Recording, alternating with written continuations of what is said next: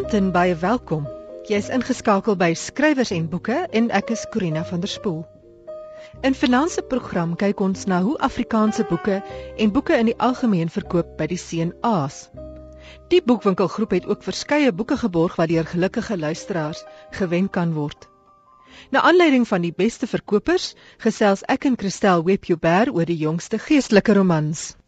Dan gesels ek met Karen Elof voormalige redakteur van die tydskrif Loslyf, ontkleeddanser, kopieredakteur en nou mede-samesteller van 'n boek genaamd Bloots, 'n boek van erotiese kortverhale in Afrikaans.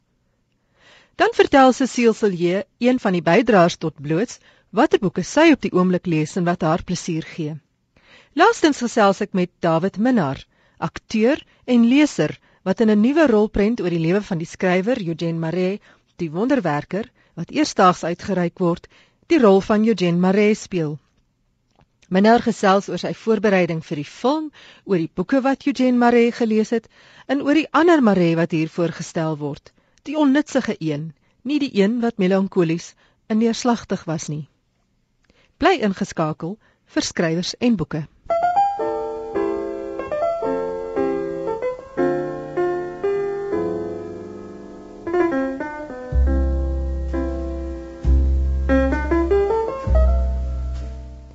CNA Boekwinkelgroep het al jongste beste verkopers bekend gemaak. Aan die einde van hierdie berig staan 5 luisteraars kans om van hierdie boeke te wen. Evita Besuitnout se jongste kookboek, Evita se Bossie Sekulela, is bo aan die lys van Afrikaanse topverkopers. Die Engelse weergawe van Evita se boek is ook 'n topverkoper. Elwie Lotter se boek, Die Staat en Anna Bruwer, gepubliseer deur Kwela Boeke, is steeds gewild. Dan volg Jan Braai se boek Vuurwerke, Brett Innes se boek Die verhaal van Rageltjie de Beer, Piet Steyn se roman Tik en dan by Struik Christelike Uitgewers is Elise Baker se roman Blinde Kol sesde op die lys van beste verkopers. Frans Johan Pretoria se boek Geskiedenis van Suid-Afrika is 'n gewilde verkoper en so ook Wilna Adrianse se 'n klein lewe. Die boek oor Afrikaners van Fred de Vries rigting bedonderd is ook onder die 10 beste verkopende Afrikaanse boeke by die CNA. Onder die Engelse nie-fiksie op die topverkoperlys is die Engelse weergawe van Jan Braai se boek Fireworks, gevolg deur Paul Holden se Who Rules South Africa. En Eye on the Diamonds van Terry Crawford Brown is derde op die beste verkoperlys. Jane Raffaele se boek oor haar lewe, Jane Raffaele Unedited, is sesde op die lys gevolg deur Bruce Clark se boek oor vaderskap met die titel Love, Sex, Fleas, God. Angus Buchan se boek The Mighty Men Journey is agste. Willie Estreys se boek oor die gebeure agter die skerms tydens die onderhandelingstye met die ANC, Endgame, is negende en Lawrence Anthony se boek oor renosters, The Last Rhinos, is die 10de beste verkoper by CNA hierdie maand. Vyf luisteraars kan elk 'n boek wen met komplimente van CNA. Ek gaan 'n vraag stel en dan moet jy jou antwoord SMS na 3343. Hier kom die vraag. Wat is die naam van Suid-Afrika se geliefde fopdosser wie se boek Evita se Bossie Sikelela bo aan die topverkoperlys spreek? Die vraag weer, Wat is die naam van Suid-Afrika se geliefde fopdosser wie se boek Evita se Bossie Sikelela bo aan die topverkoperlys bereik? SMS jou antwoord na 3343 met jou naam en die antwoord en onthou elke SMS kos R1.50.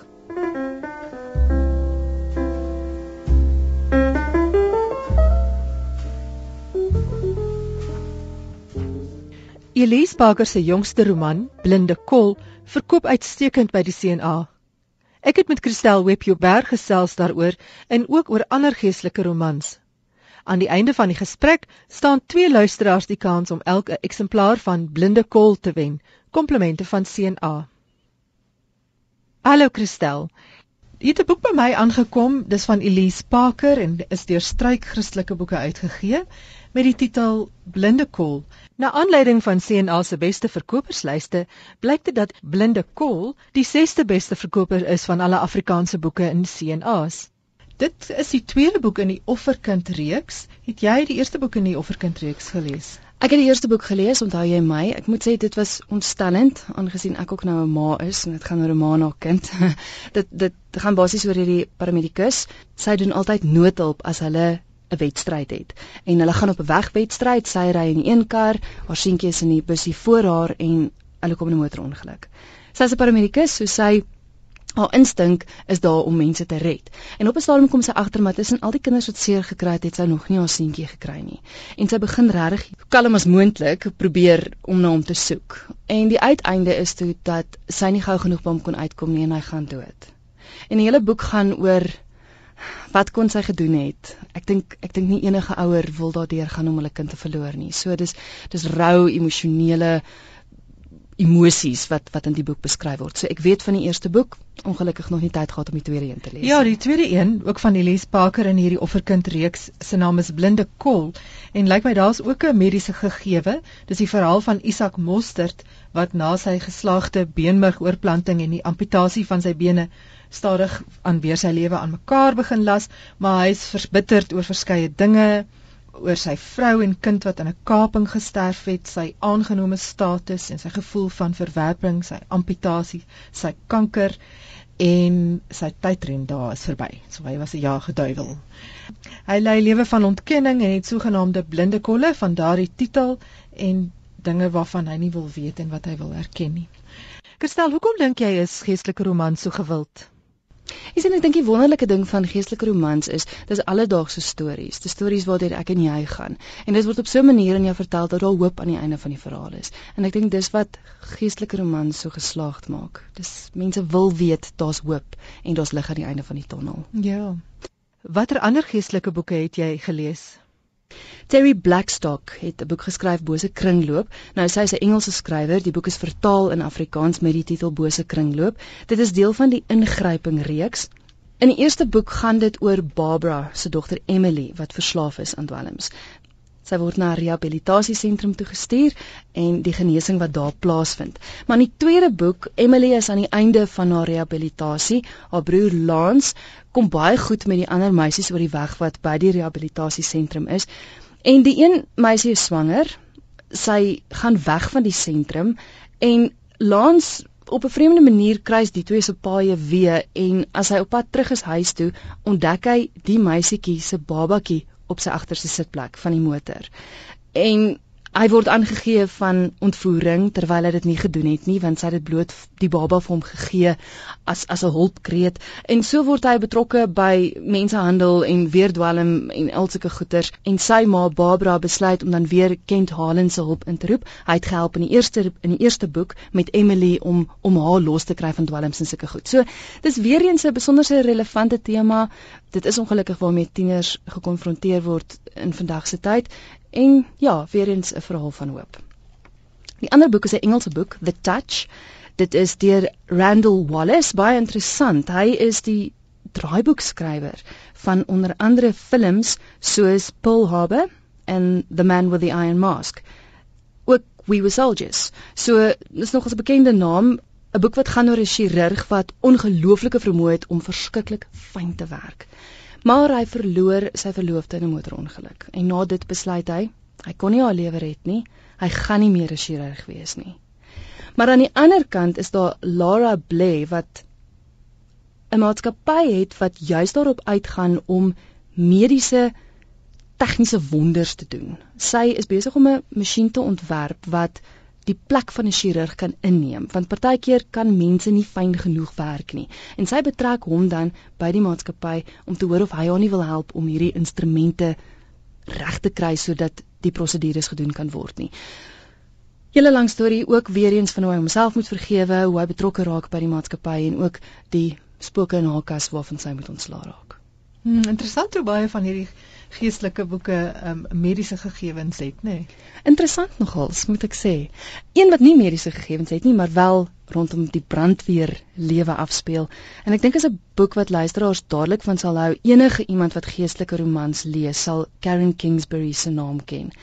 Ek dink sy is een van die skrywers wat die meeste boeke produseer. Sy skryf letterlik een na die ander. Nou hierdie is 'n baie dik boek, soos jy kan sien. Ek dink ek het gekyk as iets so 700 bladsye. Dis eintlik twee boeke in een. Dit is die Dinsdagoggend Omnibus en dit bestaan uit twee boeke, een Dinsdagoggend en die tweede boek is En die lewe daarna. In kort gehou, dit gaan oor die brandweerman Jake Bryan en sy vrou Jamie.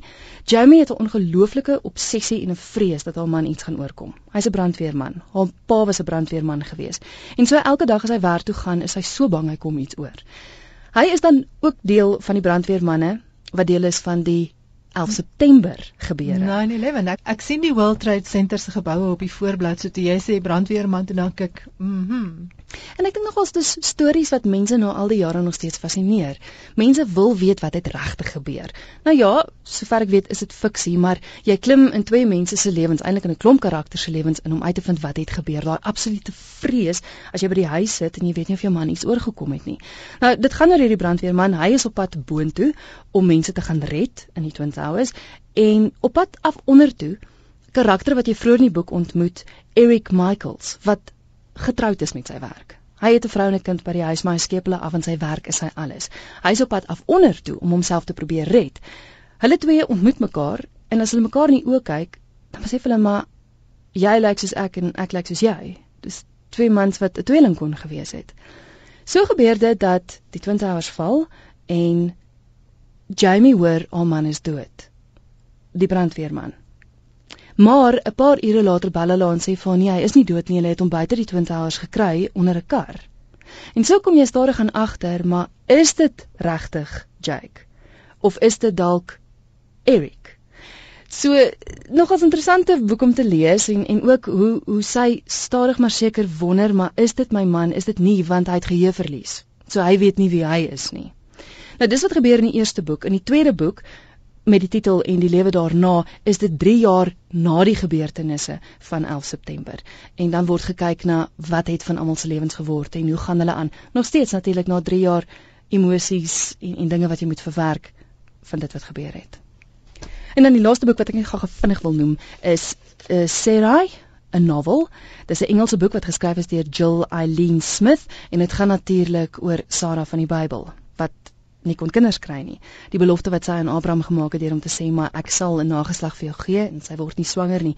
En ek dink rou emosie wat in die boek, sy word 'n lewende karakter. Sy word nie net dit wat jy in die Bybel lees van haar nie, sy word 'n karakter met met vleis en bloed.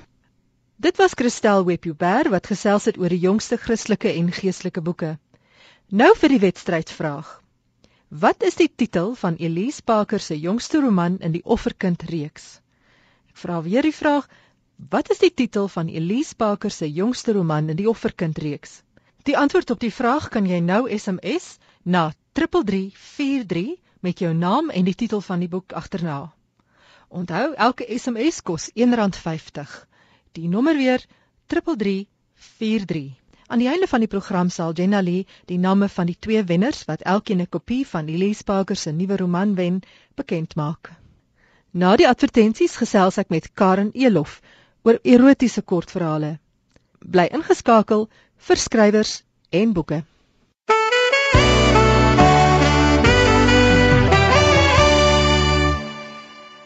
Welkom terug by Skrywers en Boeke. Ek is Corina van der Spool. Saam met my in die ateljee is Karen Elof, taalversorger, voormalige redakteur van die pornografiese tydskrif Loslyf voormalige ontkleeddanseres en in die ateljee in haar rol as mede-samesteller van 'n bundel kortverhale met die titel Bloots. Bloots is 'n lywige boek met 54 stories van verskillende skrywers, Afrikaanse skrywers met die erotiek as tema. Welkom hier, Karen. Dankie, Corina. Karen, wat was die opdrag van skrywers toe jy en jou mede-samesteller Pieter van Noord mense genader het om vir julle stories te skryf? Wel ons het nog 'n redelike wye eh, versoek uitgegooi en na baie mense toe uitgestuur ook. Die versoek was om enige iets eroties te skryf wat basies net nie kinders en diere insluit nie. Maar verder is al ek meen die die veld van erotiek dek so dit jy weet dit is so wyd versprei dat uh, ons wou nie eintlik vir mense te veel grense gee nie behalwe nou daai twee goed wat ek genoem het En ons het ja, ons het die uitnodiging na verskeie mense gestuur, allerlei mense, nie net skrywers nie, ook 'n fotograaf, ehm um, joernaliste, ehm um, selfs professore, nie almal het gereageer nie. Party mense het vir jou 'n storie beloof en dan nie die deadline gehaal nie. Wat mag gebeur? I mean, that's life. Maar ja, die die versoek was gewees om iets eroties te skryf, nie langer, ek dink dit was nie langer as 3000 woorde nie. Daar was 'n woordlimiet gewees. En toe kyk ons maar wat kry ons. Daar is nie 'n voorwoord in die boek nie en hoewel daar bekende name is wat stories bygedra het soos Eben Venter, Marita van der Vyver en Corneels Breitenberg, is daar ook nogal heelwat name wat mens nie ken nie, ja. wel nie in die letterkundige wêreld ken nie. Wie is hierdie mense en hoe het die keuring gewerk? OK, wat ons gedoen het na ons na vir daai versoek uitgestuur het, is ons het maar gekyk wat ons kry. Ek moet sê vir jou eerlik, um, Corina, daar's nie baie wat ons uh, inskrywings wat ons gekry het wat uitgeval het nie. Daar het miskien uit die hele klomp wat ons gekry het, miskien minder as 10, minder as 10 dit nie gemaak nie. Die jy het nou twee vrae eintlik in een gevra. Die mense wat nie uh, skrywers onder skrywers val nie, is byvoorbeeld soos die fotograaf Lien Botha, die sangers Chris Kameleon en Koos Kombuis, hoewel hulle ook skryf. Dan is daar joernaliste wat nie noodwendig bekende uh, skrywers is soos Corneels Breitenberg of so nie. So byvoorbeeld Ilse Roggeband, Jolanda Barnard, Willem Pretorius, hulle het nog nie, wel Jolanda het 'n boek gepubliseer en Ilse het ook boeke gepubliseer. Willem het ook, maar dit is nou nie, jy weet, name soos uh Corneels Breitenberg of so nie. Dan is daar 'n seksoloog, Elmarie Mulder Kreig en daar is ook aanbieders Rian van Heerden en Christo Gerlag wat ons gekry het. Dit is om jou een vraag te beantwoord. Die ander was gewees die keuring. Ons het basies gekyk wat werk vir ons, wat is eroties en wat is nie pornografies nie. Daar was die die goed wat uitgeval het was verhale wat te pornografies was of wat net nie lekker gelees het nie of wat nie ingepas het by die verskeidenheid wat ons reeds gehad het nie. Ons wou iets vir almal gehad het. Ons wou nie te veel stryd of stories gehad het of te veel gay stories of te veel van enigiets nie. Ons wou dit so gebalanseerd as moontlik uitgesprei het. En ek dink ons het dit nogal reg gekry. Dit lei onmiddellik na die vraag: hoe onderskei mens tussen erotika en pornografie? Ja, ek dink erotika is nie orgasme gedrewe nie want pornografie is maar pretty much dit. Pornografie is ook vir mense met groot boobs en groot ander goeters en erotika is vir almal. Ehm um, dit sluit nie dit sluit nie enige situasie eers uit nie terwyl pornografie eintlik baie beperk is en maar jy weet redelik verbeeldingloos. Dis maar pretty straightforward X en Y. jy weet. Enige iets is eroties as jy daai bril op het. Enige iets van van kos tot die dood. En dit is wat ons ingekry het ook in bloots, stories oor oor enige iets. En daar is natuurlik ook die voorspelbare, maar wat die verskil is is erotika het 'n bietjie verbeelding by en dit betrek al jou sintuie, nie net twee geslaagsdele nie. Nou die voorblad is nogal interessant. Dit is swart met 'n soort van 'n tekstuur daar ja. daarop wat 'n mens ja. met jou vingers kan voel. Ja. Wat 'n geskeurde visnetkous uitbeeld. Ja. Hierdie boek is beslis nie Mills en Boone verhale nie. Daar's gay seks, daar's voyeurisme, daar's buiteegtelike verhoudings, daar's fantasie en ook verhale met grafiese seks. Het jy die soort verhale gekry wat jy gesoek het of is daar verhale wat jou verras het? Altwee, altwee, verseker altwee. Daar was daar was natuurlik, daar's beautiful stories in. Ehm um, ek sal nou net 'n bietjie meer uitwy daaroor, maar wat my veral verras het, wat die storie wat my die meeste verras het, is Marita Martens se uh, radioaktief. Sy is bekend vir boeke soos 'n pot vol winter en uh, sy het 'n 'n godsdienstige inslag ook of agtergrond. En die verhaal wat sy geskryf het was baie baie onverwags. Die erotieke in in radioaktiwiteit amper ek wil nie die storie weggee nie maar as die mense dit gaan lees sal hulle verstaan wat ek bedoel so dit het my nogal verras dan is daar 'n um, nagmaal in in 'n nagmaal storie die storie se naam is brood van Cecile Celie en daar word beskryf hoe nagmaal eroties kan wees vir of iemand wat 'n erotieke erf, erotiese ervaring het van nagmaal wat ook heeltemal onverwags is en tog is dit sonder om enige aanstoot te gee dis nie asof dit uh, godsdienstige mense gaan aanstoot gee nie. Dit is net so goed geskryf. En ek dink dit is maklik om op daai soort onderwerp eroties te beskryf nie. Dan is daar ook 'n erotiese ervaring in in die onluste tydperk. Uh Odette Skuman en haar broer Jacques Jansen van Rensburg. Ek is mal oor daai storie. Wat ja, wat 'n erotiese beskrywing van 'n onluste situasie gee. Ek gaan dit ook nie te veel weggee nie. Daar's 'n oorlogsituasie uh, wat, wat Emile Joubert beskryf het wat ook pragtig is. Daar's daar gaan oor word oor die kleurgrens ook gegaan. Wat baie interessant is van van van klein boer en ook Emile Joubert.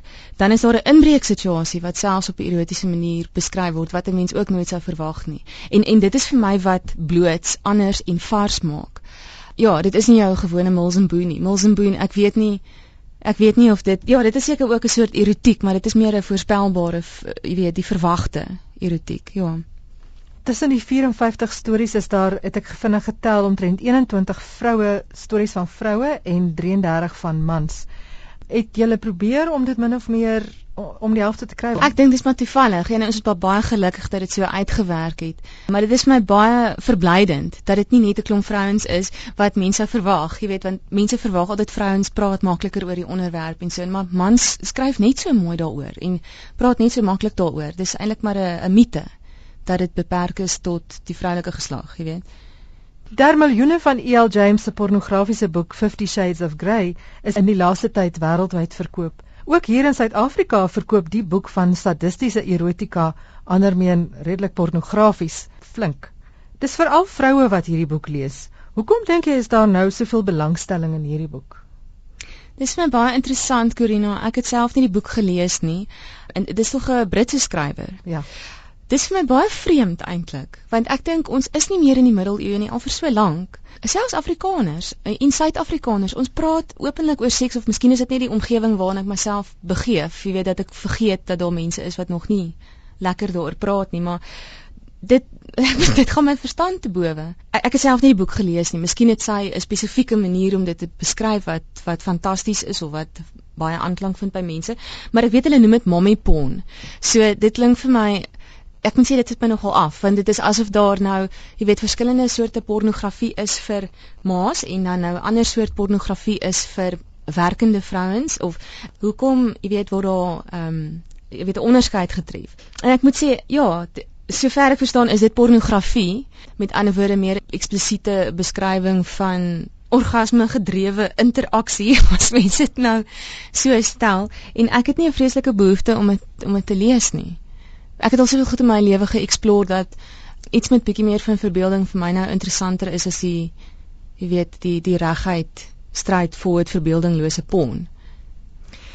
Jy het al 'n boek geskryf Stiletto wat min of meer autobiografies is oor mm. jou lewe. As jy weer 'n boek sou skryf, sou jy 'n erotiese boek skryf? Nee, Corina, nee. Ek dink 'n mens groei in jou lewe. Um ek het jy weet ek kan nie sê om te groei van pornografie tot erotika is noodwendig die die regte rigting. Die mens kan andersom ook groei, jy weet, van van erotika na 'n belangstelling in pornografie. Daar's nie reg of verkeerd nie, maar vir vir waar ek in my lewe is op die oomblik, stel ek nie regtig meer belang in dis nie dat ek nie meer in erotika of in in die seksuele belangstel nie, maar ek is nou op die oomblik so gefokus op op moederskap dat ehm um, op die oomblik is dit wat vir my belangstelling, jy weet, my ek sal eerder iets skryf oor ouerskap want dit is waar ek nou in my lewe is. Miskien as ek in my 50's is, is ek weer op 'n ander plek en dan skryf ek dalk so iets, maar die erotiese is definitief nie die fokus van my lewe op die oomblik nie. Ehm um, hoewel ek heeltemal gemaklik met die onderwerp is en en dit al nou goed explore dink ek. Ehm um, maar nee, ek sal nie op die oomblik sal ek iets eroties skryf noodwendig nie, nee.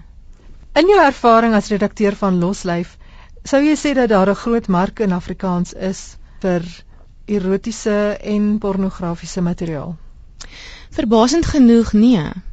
Um Loslife is 'n niche-mark tydskrif. Dit het nie soveel verkoop soos Huisgenoot nie of vir 'n rede. Jy weet, daar's mense, soos ek sê, dit is 'n dit is 'n deel van 'n mens se bestaan. Ek dink nie dit is um 'n oorweldigende belangrike ding vir almal nie. Dit word belangrik as jy te min daarvan kry. Dis mos wat mense sê en, en dis die waarheid. So ja, ek dink nie ek dink nie Suid-Afrikaners is ehm um, het noodwendig 'n groot behoefte daaraan nie en dis hoekom 'n tydskrif soos Loslife nie uh so 'n sukses is soos Huisgenoot byvoorbeeld nie. Baie dankie vir hierdie gesprek. Ek het gesels met Karen Elof, sy's mede-samesteller saam met Pieter van Noord van 'n bundel kortverhale, erotiese kortverhale met die naam Bloots wat deur Tafelberg Uitgewers uitgegee is.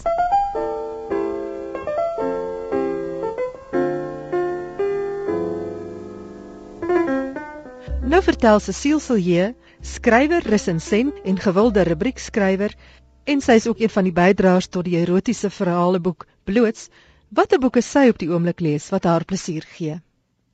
O, Corina se groot mond vol want ek lees gewoonlik die hele spul gelyk. En dan word ek ongeduldig met alles dan doen ek eerder die Times se cryptic crossword. Maar ek het so onlangs begin van hierdie week miskien het ek um, Bring Up the Bodies begin lees wat die tweede is in die trilogie van Henry Mantel.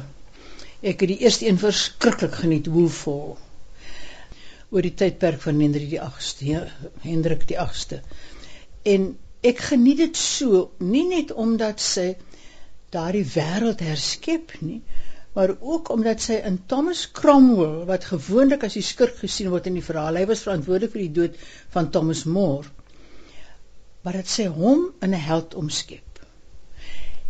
En ek verstaan dat sy dit gedoen het deur kontak te maak met 'n vrou wat wat geskiedenis doseer aan Oxford of Cambridge en wat haar op hierdie ander pad laat loop het. En wat vir my so interessant is daarvan is dat sy gebruik baie selde Thomas uh, Cromwell se naam sy sal net sê he said, dan moet jy maar weet dit is hy wat hom absoluut sentraal plaas in die verhaal.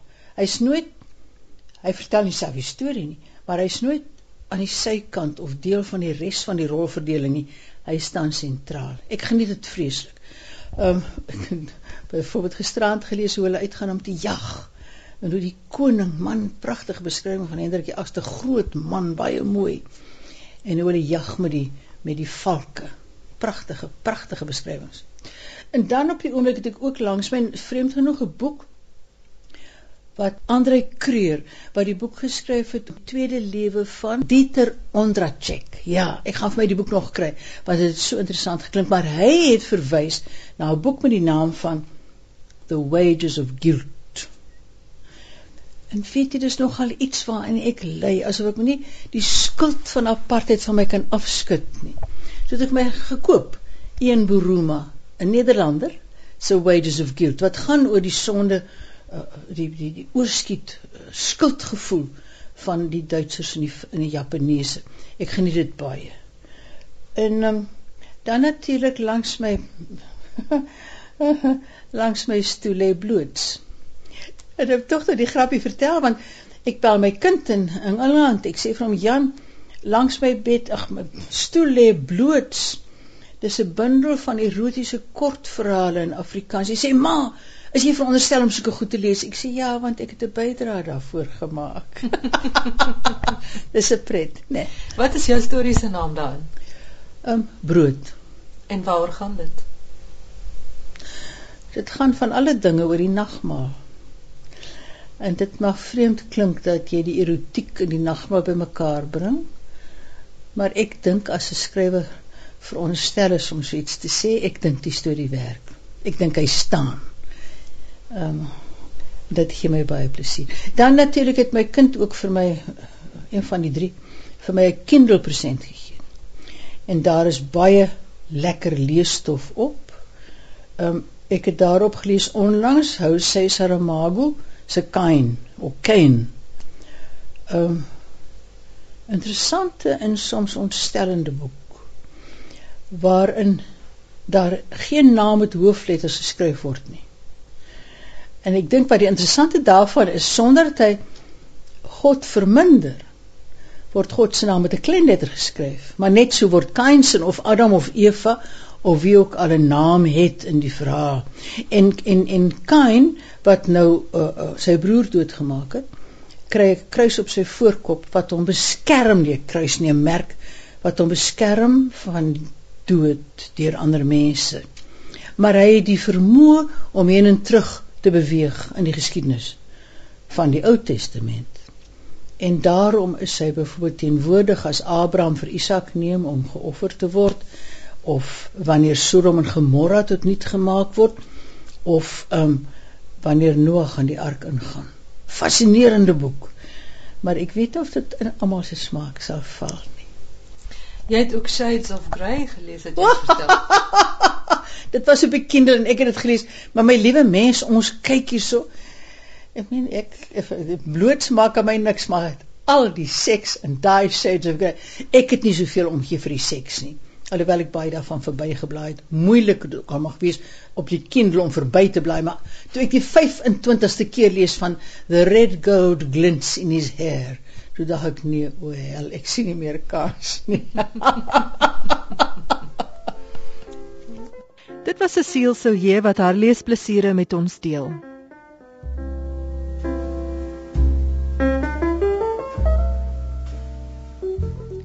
Na die advertensies gesels ek met die akteur David Minnar. Hy vertel meer oor 'n nuwe rolprent oor die lewe van die skrywer Eugene Marais, die wonderwerker, wat eersdaags uitgereik word, waarin hy die rol van Eugene Marais speel. Minnar gesels oor sy voorbereiding vir die film, oor die boeke wat Eugene Marais gelees het en oor die ander Marais wat hier voorgestel word, die onnutsige een, nie die melankolies of neerslagtige een nie. Bly ingeskakel vir meer skrywers en boeke.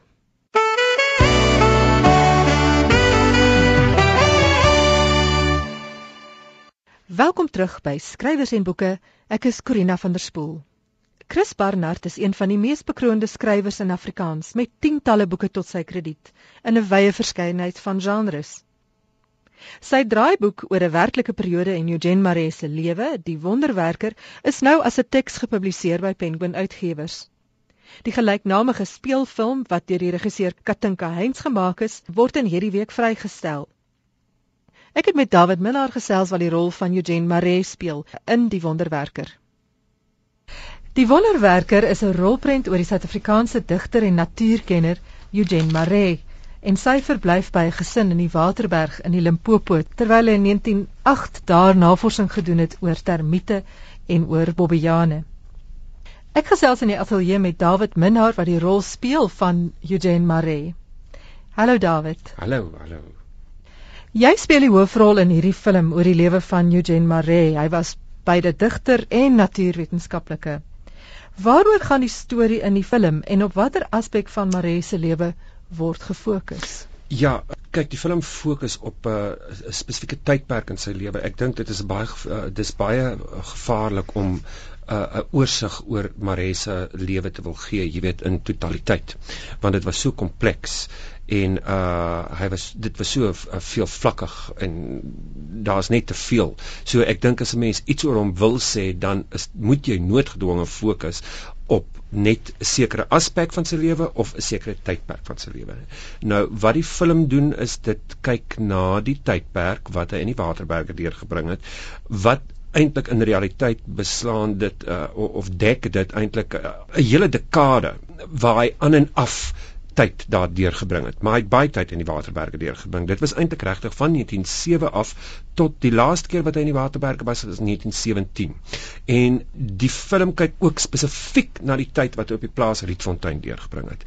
Dit behoort aan 'n ene Gys van Rooyen en sy vrou Maria van Rooyen. In werklikheid eh, was dit die tyd wat hy uh, intensief navorsing gedoen het onder andere op mure wat hy uiteindelik neerslag gevind het in die siel van die muur. Teen daai tyd het hy regtig eintlik meeste van sy navorsing oor die Bobbejane reeds gedoen gehad. Dit het gebeur op 'n ander plaas met die uh, naam um, Doornfontein waar hy van 1907 tot 1909 tyd deurgebring het saam met 'n ander man. Kyk, hy hy wou oorspronklik gaan prospekteer vir tel het geprospekteer vir tin. Hy in 'n ene Austin, maar hy was baie geïnteresseerd in edelmetale en in minerale en jy weet daar was 'n romantiese streep in hom en 'n pionierstreep in hom. Hy hy wou en hy wou natuurlik ook geld maak. dit is hoekom hy hy gaan uh, prospekteer vir tin en so aan. Hulle het op die ou einde 'n staat tin ontdek op die plaas en toe die regering natuurlik 'n proklamasie uitgevaardig. Dit is die rede hoekom hy die plaas verlaat het en wat hy toe uh, Rietfontein toe is. Dit is dan die tyd waarna ons kyk of waar op die film fokus. Jy weet maar Re het jare daarna het hy verwys na die tyd wat hy in die Waterberge deurgebring het. Het hy verwys na as die die gelukkigste tyd in sy lewe Hy het altyd 'n romantiese ideaal gehad oor die waterberge vandat hy 'n klein seentjie was. Want uh, in daai tyd toe hy in Pretoria groot geword het, het hy daar baie keer waans uit die binneland of, of diep uit die waterberge daai wêrelde gekom met velle en horings en baie keer ook wilde diere en so aan, jy weet, en en hy was in elk geval van kleins af was hy geïnteresseerd in diere soos slange. Hy het byvoorbeeld toe hy in Europa was, is daar 'n klein verwysing na wat hy eintlik wat hy 'n bietjie tyd deurgebring het in Frankryk in 'n laboratorium waar wat hy uh, uh, navorsing gedoen het oor slangserum en toe hy in die waterberge beland, het hy natuurlik te doen gekry met die mambas, die makopas, die swart mambas wat uh, natuurlik die giftigste een van die giftigste slange is en dit het hom absoluut gefassineer. Hy terwyl hy op Rietfontein was, het hy navorsing gedoen met uh, byvoorbeeld ratels wat hy ingespuit het met met slanggif wat hy gemeng het in in in alkohol opgelos het want hy het net geredeneer dat uh, die ratels word deur hierdie duisende miljoene bye aangeval en hulle kom absoluut niks oor die toe wou hy sien wat se effek wat se uitwerking slanggif op die diere het dan hy jy weet gedetailleerde notas gemaak van hoeveel weeg die ding, jy weet hoeveel hoe laat spuit hy hom in, hoeveel spuit hy hom in, wat is en dan het hy hom waargeneem en gekyk wat is die ding se reaksie op die slanggif en nie een van die ratels ooit dood nie. As 'n mens dink wat kon gewees het sou hy toegang gehad het tot uh, uh, fasiliteite soos uh, laboratoriums en goeders waar hy werklik wetenskaplik te werk kon gaan uh, met sy navorsing jy weet um, so dit het nooit vrug afgewerp in daai opsig nie maar hy was geïnteresseerd daarin. Van kleins af was hy so geïnteresseerd in diere hy het altyd hy iewers het hy net sy eie paadjie gevolg. Klink of jy Marie fyn gaan lees het vir my om jou so te kan inleef in sy wêreld. Hoe het jy voorberei vir die Wel, rol? Ja, uh, ek kyk ek was maar altyd nog uh, jy weet ek weet nie ek kan nie met sekerheid sê presies wanneer Maree deel van my bewussyn geraak het nie. Jy weet uh ek moes al op skool te doen gekry met sy gedigte. Jy weet goeie soos uh dans van die reën en Mabelel en uh natuurlik winternag mense vergeet hoe jonk die taal was toe hy hierdie goed geskryf het. En dis eintlik verstommend as 'n mens kyk na net byvoorbeeld die gedigte, net die drie gedigte wat ek nou genoem het. As jy kyk na hoe suiwer hy op daai stadium al met die taal omgegaan het en die, die jy weet hierdie gedigte het wel op my het dit definitief 'n sekere emosionele reaksie dit dit dit roer 'n mens. En die vraag is hoekom? Hoe kry dit reg? Jy weet, is dit 'n uh, kwessie van eenvoud en 'n suiwerheid in konstruksie? Dit het te doen met die ritme dalk van die taal. Dit is wonderlik as mens dink wat hy reg gekry het op daai vroeë stadium met die taal, want dit het niks te doen met naïewe sentimentaliteit nie. Jy weet dit het te doen met suiwerheid, dit het te doen met 'n uh, instinktiewe aanvoeling vir ritme en komposisie al sulke goed dink ek. In elk geval, uh en ek het ook ek was ook gelukkig dat ek 'n paar jaar gelede die geleentheid gehad het om hom op die verhoog te speel in 'n stuk deur Nicky Rebello met die titel Prophet of the Waterberg. Teen daai tyd het ek al die groot verlange gelees, maar nou het ek hom al 3 keer gelees. Die biografie van Leon Rousseau oor Marie se lewe. Ek sou sê dit bly maar die mees toonaangewende oorsig van sy lewe. Ek sal ook nooit regtig moeg raak daarvoor nie. Jy is so mooi geskrywe. Dis regtig 'n uh, uh, uh, unieke biografie sou ek sê. Toe die film nou gebeur, um toe ek nou heel eerste weer teruggegaan en sy hele oeuvre uh, gepak en weer deurgewerk. Ook daai die daai mooi, daar's twee volumes versamelde werke van hom wat ook 'n paar jaar gelede verskyn het wat onder redaksie van Rousseau. So ek het hulle weer alles gaan lees van voor tot agter.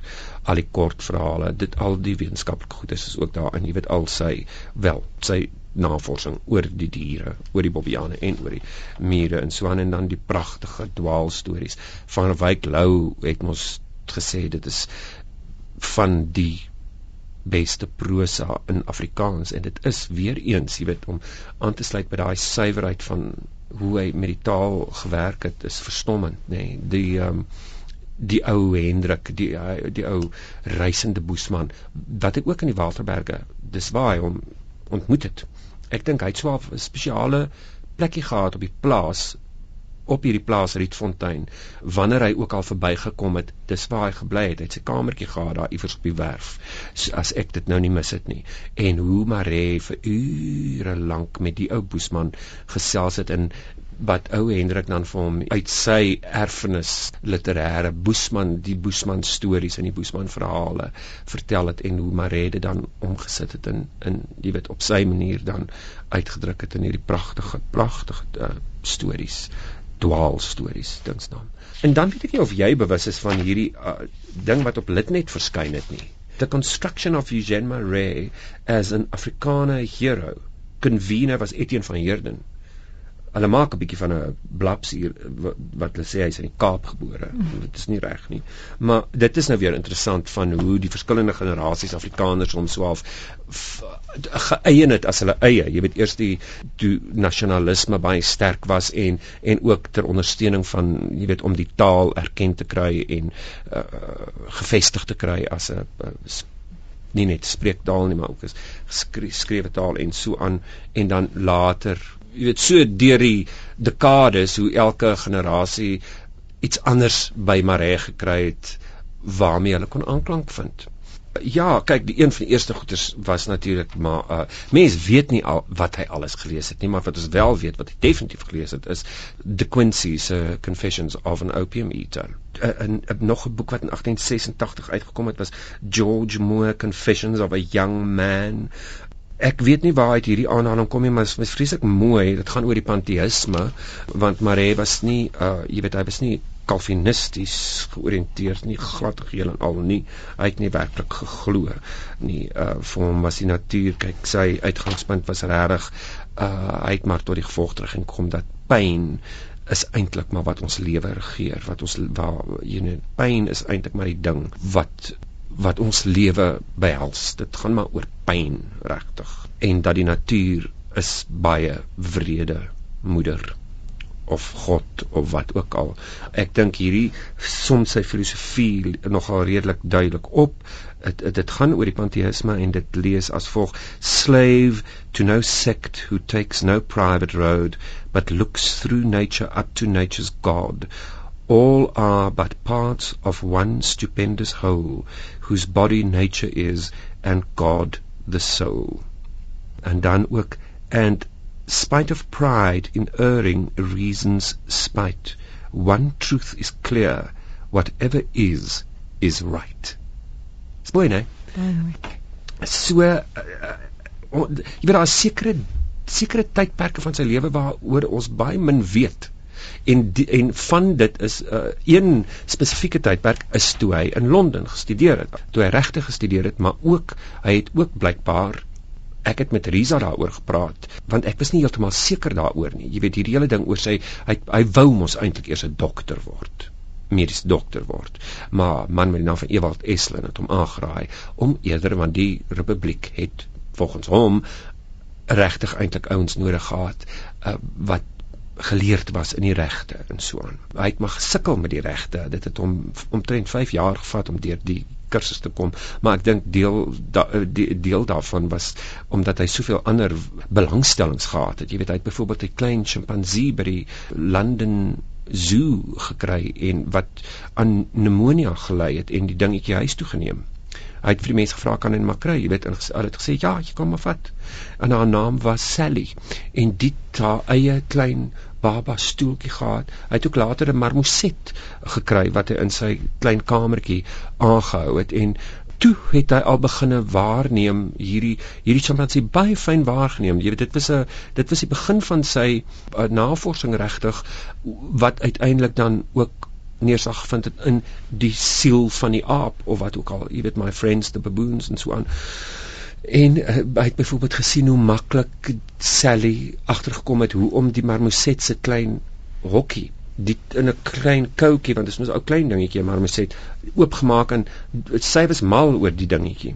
Jy weet hulle was baie goeie vriende die marmoset en die klein chimpansie wat hy in sy kamer aangehou het wat sy bure later gedink het maar hy het 'n babietjie daar want as die hartseer was het dit keel opgesit soos kind. Jy weet sulke goed. Hy was geïnteresseerd in uh, Egiptologie. Hy het geleer hoe om hieroglife te ontsyfer dan. Hy het ure in die museum deurgebring in Londen, jy weet, sulke goed so hy het baie min eintlik dink ek by sy regsboeke uitgekom. Hy het ons weet hy het 'n mediese tas vir hom aangeskaf in Londen waarmee op die ou einde, jy weet, toe hy met ou Dr Schultz het hulle mos hier deur Afrika afgereis op hierdie ekspedisie wat hulle ammunisie en wapens aan die boere wou deur smokkel na dit toe maar hulle is te laat te laat hier aangekom. Hulle is opgehou in Mosambiek in Beira en alske goed. En op 'n kol is vrede verklaar en hulle het nooit uh, betyds uitgekom nie. En hy en die ou dokter het baie lank tyd deurgebring daar hulle dis ook waar hulle albei erg malaria opgedoen het. Maar daar het hy sy wat 'n mens amper kan noem sy huisdokterjare dit was nie spesifieke jaar nie maar hy het hy het uh, uh, waardevolle mediese kennis opgedoen in die geselskap van hierdie ou dokter want al die plaaslike mense het na hulle toe gestroom om gehelp te word en gediagnoseer te word met verskillende siektes en wat ook al en hy het waardevolle inligting uh, en kennis en ondervinding opgedoen gedurende daai tydperk Jy weet dit is hoekom uh, uh in die Waterberg was hy op 'n stadium bekend as die wonder dokter. Maar dit het ook te doen gehad met die feit dat hy kon mense hipnotiseer en daar was een spesifieke geval waar hy hierdie vrou uh, gehipnotiseer het wat vir een een bron het dit op 15 die ander bron het dit op 17 jaar wat sy aan funksionele verlamming gelei het. Funksionele verlamming verwys na wanneer jy weet dit 'n uh, psigologiese basis het uh, dat eintlik niks met haar bene verkeerd was nie. Dis 'n baie snaakse storie, wonderlike storie vir die vrou se naam is Ouesie van Deventer en daar's nou nog blykbaar drif daar iewers en drif se naam is Hessie se water.